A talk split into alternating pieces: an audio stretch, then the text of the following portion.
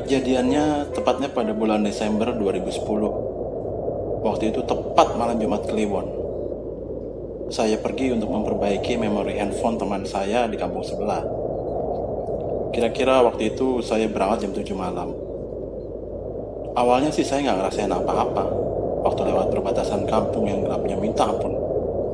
Kalau digambarkan kira-kira seperti jalan tanah sekitar 500 meter berbentuk seperti lorong hutan di mana kanan kiri ditumbuhi beberapa rumpun bambu yang batang ujungnya sampai menggelantung ke sisi jalan satunya.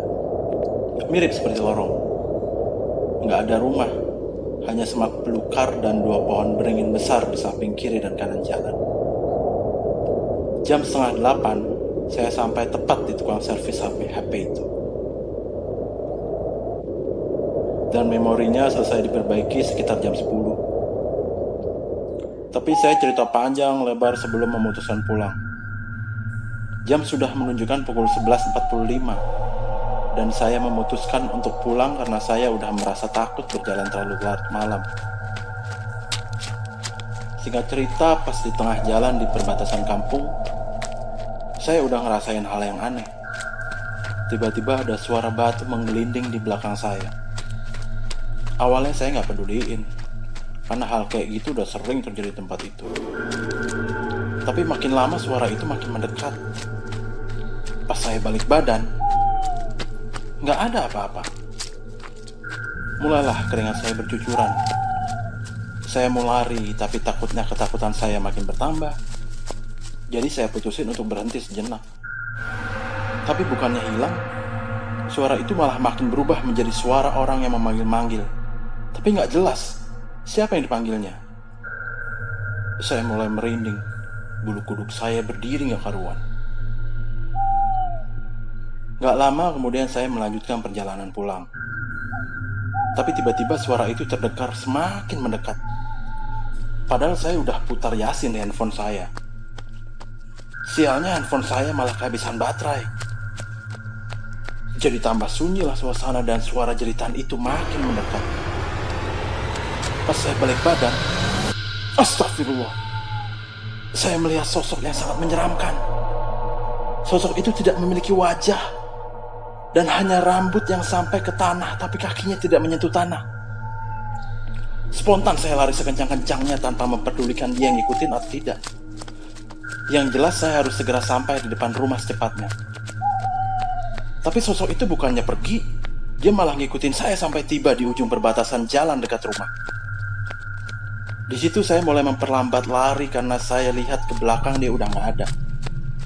Pikirku mungkin dia nggak berani sampai tempat yang terang. Saya mulai berjalan menuju rumah dengan tanda tanya besar di kepala. Bertanya-tanya pada diri sendiri, makhluk apa yang tadi itu?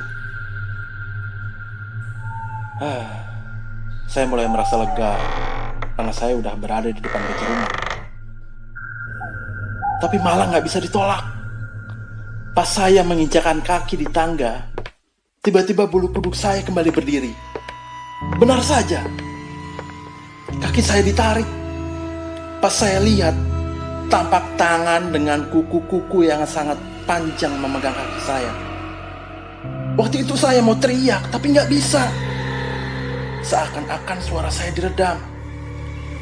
Saya mulai membaca ayat kursi dalam hati, dan akhirnya tangan itu terlepas. Saya langsung bergegas masuk rumah dan menuju kamar. Waktu itu, orang-orang di rumah udah pada tidur. Saya langsung membarikan tubuh di atas tempat tidur berharap ini hanya mimpi. Tapi apa yang saya dapat?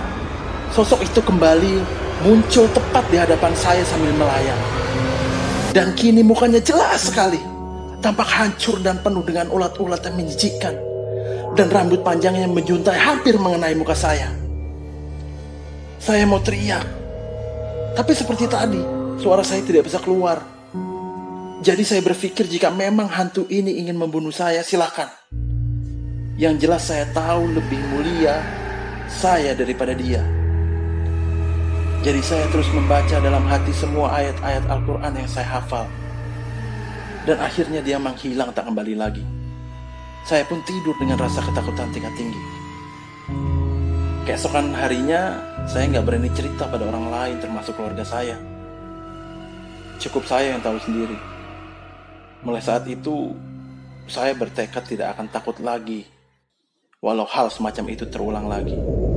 Buat teman-teman yang ingin mengirimkan kisah misterinya, bisa kirimkan cerita atau rekaman suara ke email penaarwah@gmail.com atau bisa DM akun Instagram kita di Pena Sang Arwah.